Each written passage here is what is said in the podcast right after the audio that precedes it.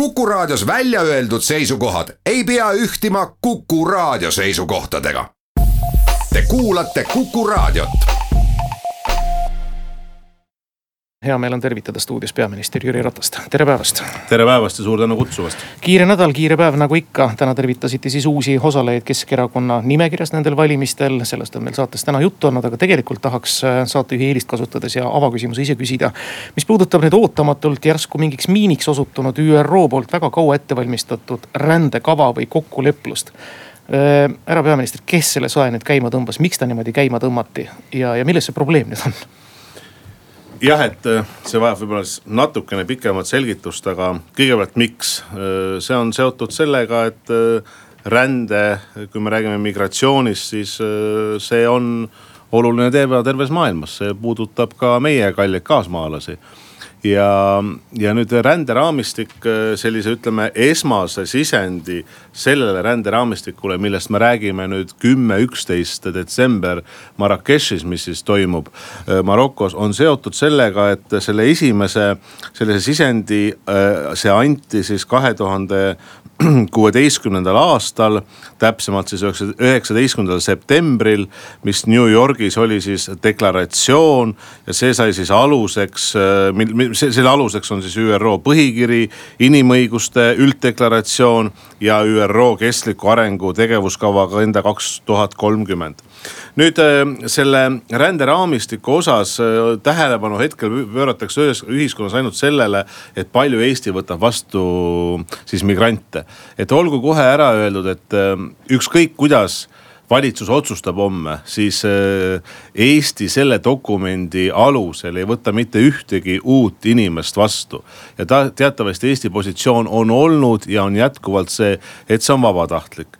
samas näiteks see raamistik pöörab erilist tähelepanu haavatavatele gruppidele, nagu on naised ja lastekaitse ja raamistiku sees on ka punktid, mis siis käsitlevad naiste, meeste, tüdrukute, poiste inimõigusi ja et see oleks kaitstud kogu migratsiooniprotsessi kestel ja kesk, keskseks seatakse just laste huvid ja õigused.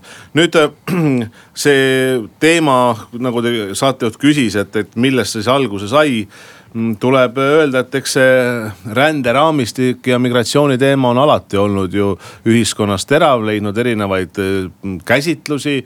on poliitikuid äh, opositsioonis, kes ütlevad, et seda ei tohiks mitte mingil juhul president teha. on neid, kes ütlevad, et seda tuleks teha ja nagu me näeme, et on ka koalitsioonis eriarvamusi et kokkuvõttes siis ma ütlen nii, et homme neljapäeval valitsuse kabinetis ma olen palunud, et välisminister ja välisministeerium valmistaks selle ette. et me peale kella kahte siis seda teemat arutame ja selles mõttes ma igal juhul jagan ka ja ma tunnustan vabariigi presidendi otsust, et kui selles osas ühtset seisukohta ei ole ei valitsuses, ei riigikogus, siis ta sinna ei lähe. ja ma arvan, siis ongi keeruline tegelikult Eesti sellega liituda. nii et teil on selles mõttes lihtsamaks elu tehtud, et ongi nii, et Reinsalu ja teised austatud koalitsioonipartneri Isamaa liikmed ütlevad ei, siis president ei lähegi. No me peame arvestama sel-, seda, et Eesti Vabariigi valitsuskoalitsioonid töötavad äh, konsensuspoliitika alusel ja töötavad sellel alusel, mis äh, lepitakse kokku. Me näeme seda, et, et see ei ole tekitanud ju eriarvamusi ainult koalitsioonis, vaid ka opositsioonis, et kui Jürgen Ligi tuli väga jõuliselt välja, et sellega ei tohi ühineda, siis näiteks äh, Jürgen Ligi erakonna esimees ütles, et sellega tuleb ühineda, et see on õige ja minu meelest Urmas Paet on olnud äh, väga tasakaalukas ja, ja äh, üsna loogiline nendes äh, ÜRO ränderaamistiku selgitustes. aga kokkuvõttes jah, et eks kakskümmend kaks märts valitsus viimati seda arutas, siis ta oma positsiooni kujundas ja ka toona oli positsioon, et see ei tohi olla Eestile õiguslikult siduv ega võtta ühtegi uut kohustust saatejuht nüüd lõpetas ja head kuulajad on teretulnud nüüd saadet tegema. kuus, kaks, üks, neli, kuus, neli, kuus on helisõnad, tervist. tere päevast austatud peaminister, teie mõtte ja parteikaaslane Yana Toom võrdles Eesti okupeerimist tuhande üheksasaja neljakümnendal aastal värvilise revolutsiooniga. et minu küsimus on, et kas Yana Toom on nüüd siis Kremli propaganda naiivne ohver või on ta küüniline ja pahatahtlik Kremli provokaator. ja selles kontekstis veel üks küsimus, et kas te peate õigustatuks okupatsioonikahju nõuete esitamist Venemaale, viimasele küsimusele ootaks ei või jaa vastust no see on tore, et kõigepealt aitäh küsimuse eest, et küsija annab kõik asjad ette, et vastaja ei pea midagi muud mõtlema. viimasele küsimusele ma ütlen selliselt, et erinevad Eesti valitsused ei ole mitte ühelgi hetkel otsustanud eh, nende kahjude tagasinõudmist, see on olnud pigem ühe ministri ja persooni selline enda isiklik väga tugev seisukoht. nüüd, kui me räägime okupatsioonist, siis tegemist on kahjuks meie sajaaastase riigi ajaloo selle viiekümne ühe kõige keerulisema aastaga, kõige raskema aastaga, kõige negatiivsema aastaga. ja see on see tegelikult, mille raames minu meelest me peame igapäevaselt töötama. et Eesti taludes ja, ja õuedes ja majadel ja Pika Hermanni tornis on jäädavalt sinimustvalge lipp. nüüd teie mm, sihitus äh, Yana Toomi osas, siis äh, ma olen ju öelnud seda mitu korda välja, et minu jaoks on oluline, et Keskerakond äh, teeb sellist poliitikat ja omab selliseid põhimõtteid Eesti ühiskonnas, mis tagavad ühiskonna sidususe. mis aitavad Eesti ettevõtlusel, ühiskonnal edasi minna, aga mis tagavad ka kaitsedimensioonis tegelikult meie kindluse ja see meie kindlus saab alguse meie sidususest kuus, kaks, üks, neli, kuus, neli, kuus on helisenud, tervist. tervist ja palun. austatud peaminister, küsimus tulumaksu teemale. kui pension maksustatakse tulumaksuga välismaalastel või topeltkodakondsusega isikutel, on arusaadav. aga kui pension kärbitakse kuni sada eurot nendel, kes on kõik tööaastad Eestis töötanud ja kes saavad alla viiesaja euro pensioni, siis see on mõistetamatu et näiteks kui pensionäri lähedased on sunnitud Soomes elama, et ots otsaga hakkama saada ja nüüd, kui pensionär sõidab oma perekonna juurde, kui tal Eestis kedagi teist lähedast ei ole ja pension on alla viiesaja euro, siis pension kärbitakse kakskümmend protsenti. Ja Eesti lõunapiiril Valgas, Valkas, kui pensionär vahetab elukoha Läti territooriumile ja ei ole siis Eesti elanike registris kuid parlamendivalimistel saavad nad Eesti Vabariigi kodanikuna ainult Riigikogu valimistel osaleda, mitte Riksdagi või Eduskunda või Seimi. ja tööaastatega on ainult ühe riigi pension, Eesti riigi pension välja teenitud alla viiesaja eurot, siis pension maksustatakse ikkagi kuni äh, sada eurot väiksemaks. et siin peaks olema arutluskoht, kuidas sellist olukorda õiglasemaks muuta aitäh. ja aitäh teile, et äh, üldreegel on see, et tulud maksustatakse tulumaksuga alates esimesest eurost. kui inimene elab Eestis, siis on tal võimalik kasutada maksuvabastust. teise riiki elama kolides ei pruugi tal sellist võimalust olla ja et vältida tulude topeltmaksustamist, on Eesti sõlminud paljude riikidega lepingud. eri riikidega on aga erinevad kokkulepped. nüüd teie küsimuse üks näide, võtame siis Läti, näiteks kui, kui äh, pensionär kolib elama Lätti ja temast saab Läti maksuresident, peab ta esitama vastava tõendi ning sel juhul ei maksustata, ma rõhutan, ei maksustata tema pensionit Eestis tulumaksuga. Soomega sõlmitud leping sellist võimalust paraku ette ei näe. ja samas on suur vahe, kas pensionär elab siis teises riigis või ta viibib seal aeg-ajalt. näiteks kui inimene käib Soomes ajutiselt ja paljud meist kindlasti eakatest käivad Soomes ajutiselt näiteks lapselapsi hoidmas ja see on vähem kui pool aastat ehk siis sada kaheksakümmend kolm päeva, siis tema pensioni maksustamine ei muutu kuus, kaks, üks, neli, kuus, neli, kuus. Jõuab enne pool tundi vastu võtta veel ühe kiire kõne ja loodetavasti saada ka kiire vastus, tervist. tere õhtupoolikut, ma kunagi esitasin härra peaministrile selle teema, et see Põltsamaa ametikool kunagi suleti ja noh, nagu Vanedaga seda tehti ja te lubasite, et äh, küsite ja räägite sellest äh, haridusministriga. tahangi teada, kas te jõudsite rääkida ja olete saanud rääkida ja, ja mis tema seisukoht oli, aitäh! Ja ma rääkisin, ma arvan, sellest sama päeva õhtul, ma mäletan seda teie küsimust ja tema, tema seisukoht ütleme et see on olnud kahju, et selline sulgemine on toimunud, kui nüüd äh, küsida, et kas on võimalik seal teha taasavamine või uuesti avamine, siis tema vastus on, et see on väga keeruline. raadio Kuku.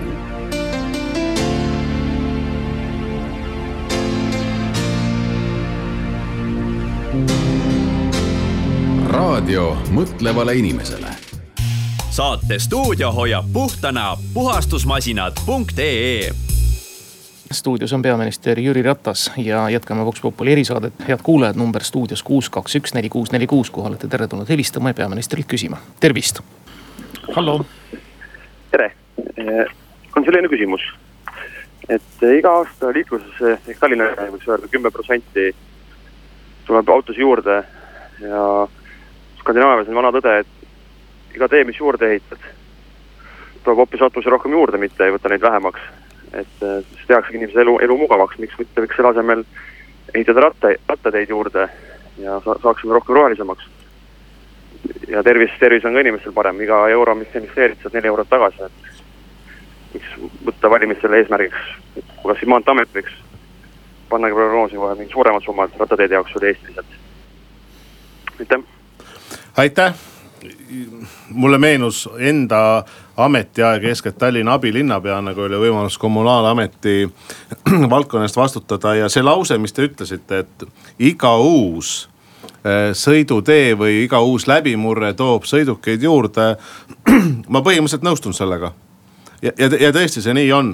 ja nüüd, et hoida seda tasakaalu, jah, et seal on, ma, ma ütleks kolm eri, kolm nagu nüanssi, et ma saan aru, et me räägime nüüd väga ühe linna keskselt, aga kuna küsimus oli seotud Tallinna linnaga, siis punkt üks see on seotud tegelikult sellega, kui palju me suudame inimesi eh, heas mõttes tuua ühistransporti ja siin on väga suured nõudmised tegelikult, et kui mugav see on, kui tihe see on ja loomulikult, mis see tähendab ka rahakotile, see, et Tallinn on läinud tasuta ühistranspordile, et, et see on, ma arvan, hea. nüüd teine küsimus on seotud sellega, mis te ka küsisite, et kuidas on võimalik liigelda Tallinnas jalgrattal. noh, üldjoontes me ütleme, et Tallinnas on alati väga ohtlik jalgrattaga liigelda. aga ma usun, et see jalgrattakultuur mõlemas suunas, nii sõiduk, sõidukijuhtide poolt kui ka jalgratturite poolt on ikka aastatega läinud paremaks. ja tuleb tunnistada, et ka neid ühendusi on tulnud juurde, tõsi, mitte piisavalt ja kolmas on see, mida on teinud näiteks minu meelest Stockholm, ma ei tea, kas see hetkel kehtib seal või mitte. ja London on meelega nagu tõkestanud autode sissetulekut kesklinna, kas siis läbi ummikmaksu või teatud sildade, kus nad eh, suunavad eh, liiklusvoogusid eemale. no midagi sellist peaks tegelikult eh, natuke kaasa andma see Reidi tee valmimine. nüüd, kui üle-eestiliselt küsida, et kas rattateed on nagu fookuses ja kas maanteeamet neid ehitab, siis minu meelest see on sama näide, et nii kui kergliiklustee tekib Eest-, ütleme Tallinnast välja. nii on näha, et seal kergliiklustee peal on olemas inimene, kes jalutab. on ema või isa, kes on siis lapsevankriga või on rulluisutav või jalgrattur.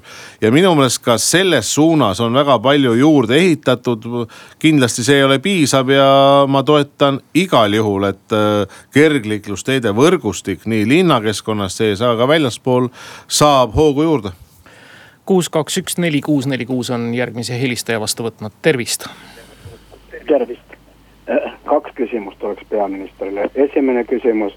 Te kujustasite kunagi peaministreid sellega, et äh, nad äh, võimul olles osalevad valimistel, käivad seal koosoleku, valimiskoosolekul, aga samas on nad peaministrid, kurjustasite.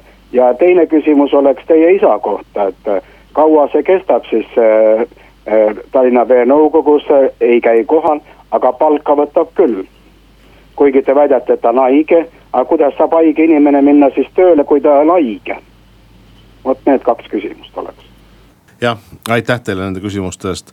kõigepealt esimene küsimus äh, selle kurjustamise osas, et äh, peaminister, kui on oma ametis, siis ta on alati peaminister kakskümmend neli tundi ja seitse päeva nädalas ja mina olen lähtunud sellest, et Eesti Vabariigi peaminister on kõigi Eesti inimeste peaminister, kes elavad maal või linnas. ükskõik, mis keelt nad räägivad ja kas nad on poliitilises mõttes Reformierakonna või EKRE või Sotsiaaldemokraatliku Erakonna või Eesti kahesaja valijad või Keskerakonna valijad. et see, see sellest peab lähtuma, sellest ma olen lähtunud. see, kas need inimesed mind toetavad või mitte, see on hoopis teine küsimus.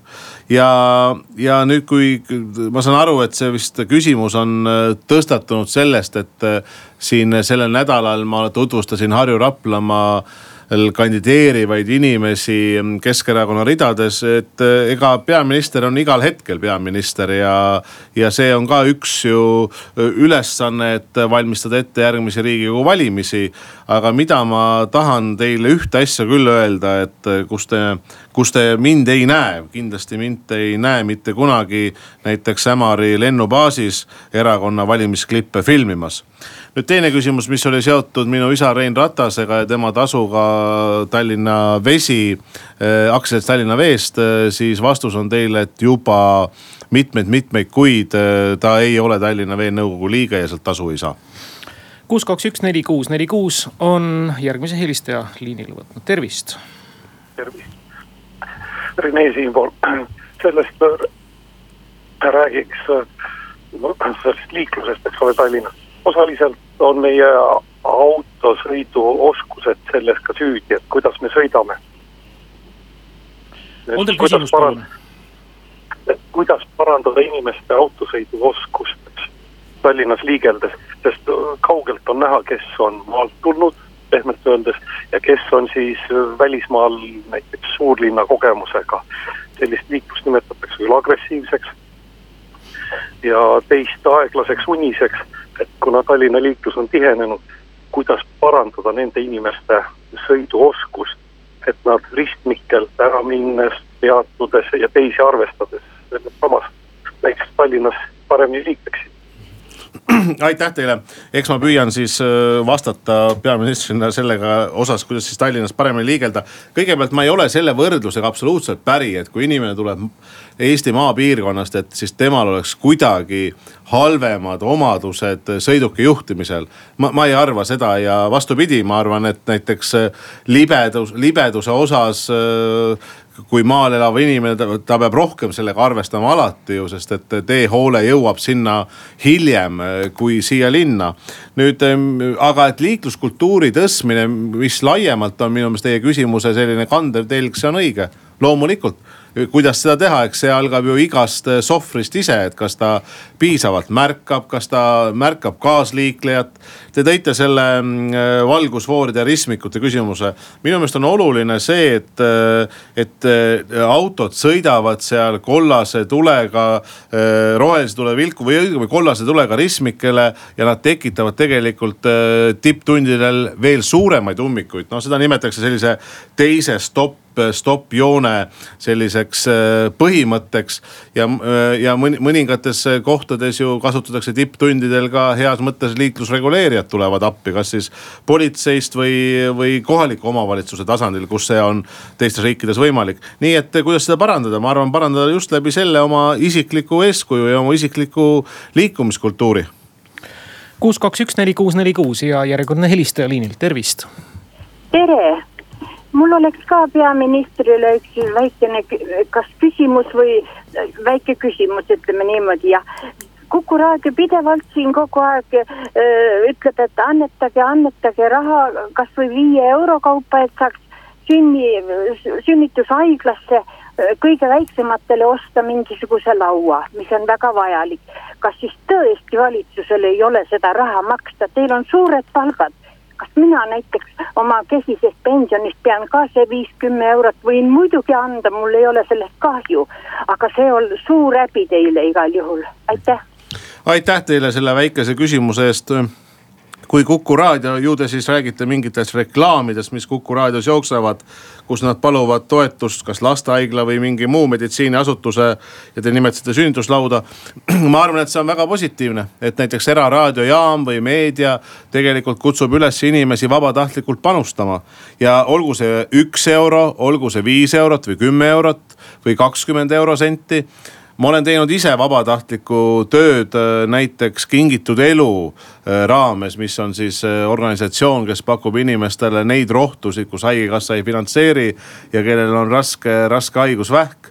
ja ma tahan öelda, et Eesti inimesed minu meelest reeglina on märkajad ja tegelikult on nõus panustama panustama tõesti vastavalt oma rahakotile, et kas mõned panevad sinna kakskümmend senti või viiskümmend senti või mõned panevad lausa kümme eurot, mis on äh, suur toetus Ehm, kas valitsusel selle jaoks raha ei ole, et äh, ma arvan, et ega ühiskonnas me ei saa nagu seda vabatahtlikkuse poolt kunagi ära lõigata. ja see peab alati jääma, et inimestel on võimalus ka annetada ja öeldakse ju ka nii, et kui sa teed heateo siis sa tunned, et äh, sa suudad oma heategu jagada mitme, mitme inimesega ja see positiivne efekt on palju suurem nii, aga kui on valitsusaste läbi, noh, see on teie õigus, ega me elame vabal maal ja oma väljendust võib alati öelda. number stuudios on kuus, kaks, üks, neli, kuus, neli, kuus, olete teretulnud helistama ja küsima, tervist. tere, minul on kaks küsimust, üks on täiesti retooriline. mina olen nüüd uue Lääne-Harju valla elanik, elan Vasalemmas, tähendab pool aega siin, pool linnas ja kuidas, minu küsimus on, kuidas mina saan Paldiski linna ja vastan teile, ma ei saagi otse sinna minna, sest ma pean minema Keilasse ja siis ma pean sõitma sealt Paldiskisse. kuidas ma saan neid teenuseid kätte, ei ole minu aru saada praegusel hetkel, no ühesõnaga, see on retooriline. teine küsimus on see, et meie vallamaja ümber käib, endise vallamaja ümber käib tihe sebimine. Et seda küll tahetakse maha müüa, küll ma ei tea, mida iganes teha, küll hooldekodu, küll pansionaat tahtnud on seda vaadata ja ongi vaadanud teatud inimesed, kes enne olid seotud Autorolloga. no ei sobinud. ja minu küsimus on, olen ka rääkinud meie uue vallavanemaga, kelle nime mul praegu meelde ei tule. et eh, jah, võtke see, aga mis rahast te seda üleval peate, see on meie ainus maja, mis on soe, valge ja köötud. Ja see on ehitatud Harjumaa kõige vaesema valla poolt, Vasalemma valla poolt. ja nüüd tuleb keegi võhik Paldiskist ja ütleb, et see tuleb maha müüa mis asjus, meil ei ole ühtegi kohta, kus koos, igal pool koos käia, igal pool on, kus on endine vallamaja, on nüüd, nüüdseks siis valla kogukonnamaja ja, ja meil ei ole muud teha, kui hakata koguma allkirju. selleks, et tõestada oma õigust sellele, mis on olnud meie oma. kus on see õigus? Mis õigusega tahetakse lihtsalt kaugelt raha kätte saada ja tuuri panna, sest Vasalemma valda see raha küll ei jõua. aitäh teile! Et ma vastan siis kõigepealt esimesele retoorilisele küsimusele, ma saan aru, et see mõte on see teil, et kuidas elanik nagu teie, kes olete täna Vasalemmas, saab teenuseid siis Lääne-Harju vallas, vallavalitsuselt ja et, et teised raadiokuulajad saaksid aru, siis Lääne-Harju vallavalitsuse hoone asub Paldiskis. no ma oskan ainult ühe lahenduse siin öelda, et lisaks transpordilahendusele, et väga palju ikkagi omavalitsused lähevad üle ka erinevatele digitaalsetele e-teenustele ja kindlasti see paljudele inimestele siis jalavaeva vähendab ja, ja mugavusastet tõstab. aga tõsi, paljud ei taha seda kasutada ja tahavad ikkagi vallamajja kohale minna ja kindlasti see võimalus peab jääma.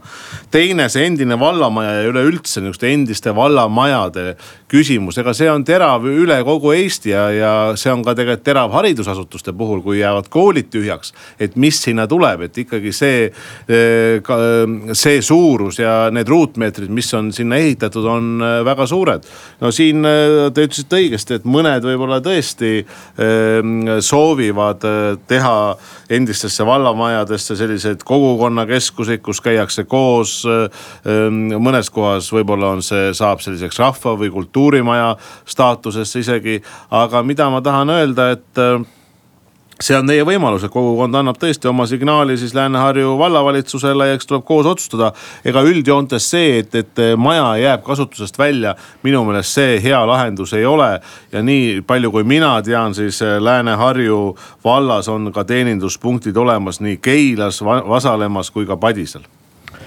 kuus, kaks, üks, neli, kuus, neli, kuus kaua kõnesid ei pea ootama, loomulikult peaminister on stuudios ja vastab heale kuulajale, tervist. Tervist. vaadake, mul on teist laadi küsimus peaministrile, aga see on väga tähtis. üks asi on, et, et töötatakse välja, et komisjon nõutatakse üks ülemaailmne inglise keele asemel üks ülemaailmne keel, mida saab üle maailma koolides juba kerge ja ilus keel. ja teine küsimus on see, et näiteks purjus peaga äh, auto tööõnnetus, kui purjus peaga teeb auto tööõnnetuse, siis tuleb auto ära võtta riigi tuludesse ja aitäh teile. no üle ilma kaunis keel on, ma arvan, eesti keel, eesti keel. ja kaunimat keelt ei ole olemas, aga vähemalt meie, meie jaoks, aga kui rääkida nüüd sellisest rahvusvahelisest koostööst, siis loomulikult järjest rohkem ja rohkem inglise keele kõrvale tuleb, eks ju, prantsuse keel. ja mida rohkem neid keeli, suur, suuri keelekogukondasid osata ja tunda ja, ja, ja ka rääkida, seda kindlasti parem ja konkurentsivõime kõrgem on. nüüd purjus peaga kindlasti autorooli istuda ei tohi aga mitte ainult äh, purjus peaga, vaid äh, ka siis, kui on alkoholi ka natukene tarvitatud, ei tohi autorooli istuda. ja see, mis te ütlesite, et kui ikkagi on see joove väga kõrge et näha ette ka kõrgemaid selliseid sanktsioone ja karistusi, mm, siis loomulikult, et äh, need tagajärjed ju, mis võivad juhtuda liikluses, kui inimene on alkoholi tarvinud, tarvitanud ja tema reaktsioonikiirus langeb siis see võib tuua kaasa ju selliseid tagajärgi, kus inimesed kaotavad ka elu, aitäh ja kui kuulaja viitas siin autode konfiskeerimisele, see punkt on täiesti sanktsioonina sees. järgmine helistaja, tervist. tere õhtupoolikut. tahtsin härra Jüri Rataselt küsida, et tema nagu endine Nõmme elanik, elupõline kodu, lapsepõlvekodu ja kõik on Nõmmel olen huvitatud sihukesest asjast, kas kaheksateist buss hakkab kunagi ka Maxi Marketini sõitma, nüüd tehakse seal uut teed ja värgid, et. et me siin nagu Pääsküla elanikud, okei okay,, meil on siin nüüd väike Rimi ja Selver ja nüüd tehakse Maxim, aga, aga tahaks siit laagrist nagu edasi Maxi Marketini ja Hüperrimini ka saada, on, on, on midagi sellest teada, äkki valitsus saab takka lükata kõike ilusat, aitäh. ja aitäh teile ja tõesti seal ju kaks äh, liini on, et üks on ekspressliin, mis peaks olema neliteist ja teine on siis kaheksateist. no see kaheksateistkümnenda bussiliini pikendamine Maxi Marketini ja ma ütleks mitte ainult, paljud tahavad võib-olla minna ka sinna Bauhofi. et sellest on räägitud pikalt, et seda tagasipööret viia edasi seal viis kuni kaheksasada meetrit ja tõesti, see annaks inimestele võimaluse siis minna ka Maxi Marketini. ma mäletan, et ma olen äh, ise linnavalitsuses selle teemaga tegelenud, toona sai takistuseks see, et sinna Pärnu maanteele seda tagasipööret teha. et esiteks seda juba liikluse pärast seda ei soovitud ja, ja eks teine küsimus on muidugi ka see, et siis sõidab ühe omavalitsuse buss teise oma, omavalitsuse territooriumile. ja seal on küsimus, kas siis leitakse see finantseerimise kooskõla, noh tänaseni seda leitud ei ole. aga üldjoontes ma tean seda probleemi ja mina arvan ka, et kui ikkagi vähegi saavad kaks omavalitsust kokku leppida, siis kaheksateist buss võiks äh, sõita seal viissada meetrit kuni kilomeeter edasi. nüüd on seal tehtud ju ka uus viadukt, et äh, saab selle ringi ära teha ja loomulikult siis tekib küsimus, et kas linn on võimekust veel busse sinna juurde panna, siis eks muidu sagedus ju langeks kuus, kaks, üks, neli, kuus, neli, kuus ja järgmine helistaja liinil, tervist. tere, härra Ratas Äh, tundub, et vist on nagu liiklussaade teil seal täna. nii on kukkunud jah välja, aga see on oluline. No aga minu küsimus ei puuduta liiklust, minu jah, kui siis kaudselt valimisliiklust, et hiljuti teatas Kristiina Šmigun, kes meie kõigi poolt väga armastatud oli. et ta kandideerib riigikogusse Reformierakonna ridades ja muutus sellega seoses peaaegu et kõige vihatumaks. Äh, teie erakonnas kandideerib teatavasti Kristiina Einmets ja kui Kaja Kallas väljendas, et Kristiinaga kohtudes on ta saanud suurt power'it, siis ka teie intervjuust või kommentaarist selle asja kohta võis välja lugeda, et ka teie olete mingit power'it saanud. Kas te tooksite nagu paar näidet, aga mitte palun mingitest lastest või emadest, et neid probleeme teate te ilmselt ilma Einmetsatagi rohkem, aitäh. aitäh, ma kõigepealt sellega üldse ei nõustu, et kui peale uudist, et äh, Kristina Šmigun-Vähi kandideerib Reformierakonnas, et temast on saanud kuidagi vihatud inimene. ei, ma seda absoluutselt ei, ei arva ja tegemist on ju tubli, tubli inimesega, pere, pereemaga meie väga paljude sellise olümpia, olümpiasangariga ja see, et ta tahab oma kätt proovida poliitikas ja rääkida ühiskonnaelus kaasa, et see ei ole ju mitte negatiivne või probleem, et see on positiivne. nüüd teie teine küsimus, mis on seotud Kristiina Heinmets-Aigroga, siis äh, mul on väga hea meel, tegemist on inimesega, kes on üle kahekümne aasta tegelikult olnud Keskerakonna liige, tõsi, ta ei ole poliitikas äh, viimased kaheksateist aastat aktiivselt äh, osalenud ja see, need põhimõtted, mis ta on toonud välja, et ta tõesti soovib selle naise positsiooni, naise staatuse küsimust ühiskonnas rohkem tõstatada, selle eest seista. ma arvan, et see on tänases Eestis väga-väga õige ja väga õige küsimus. teine on see, mis ta on öelnud, et ta soovib seda ebavõrdsust ja vaesust selle, sellega tegeleda, selle vastu seista ja kolmas, ma ei tea, miks te mul keelate seda öelda. Õnneks ma saan seda teha, sest mm, see, et ta soovib tegelikult äh, perede küsimuses, laste küsimuses kaasa räägi, rääkida, omades äh, ju kogemust oma peres, kus on kolm last, et see on minu meelest positiivne, et inimesed soovivad tulla poliitikasse oma mõtteid öelda ja paluda Eesti inimeste toetust rääkides nüüd valimis noh liiklusest, millele kuulaja siin vihjas kuidas nüüd kavatseb Keskerakond edasi töötada selle nimel, ilmselt tuleb juba sihid seada, midagi teha pole ka valimistele, milleni on jäänud tegelikult kolm ja pool kuud. milline on plaan teie erakonnal?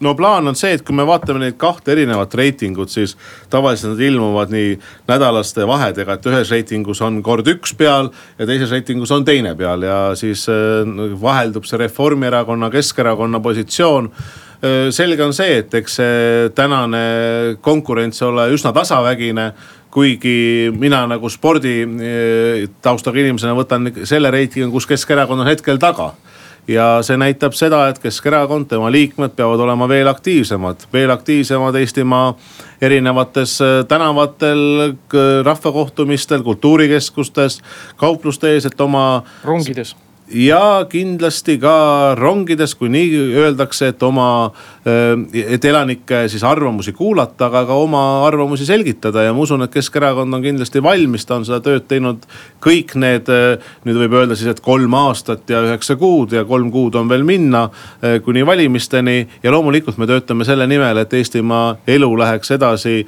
et see oleks solidaarne ja see oleks võimalikult ühendatud ja tugev. ja eks me selles osas palume Eesti elanike mandaati loodeti, et kuueteistaastase vaheaja järel taas riigikogu valimised võita aitäh, peaminister Jüri Ratas, kaheksateist küsimust, kolmteist saatejuhilt, viisteist kuulajatelt said täna vastatud, väga tubli tulemus. suur tänu ja taas kohtumiseni. aitäh kutsumast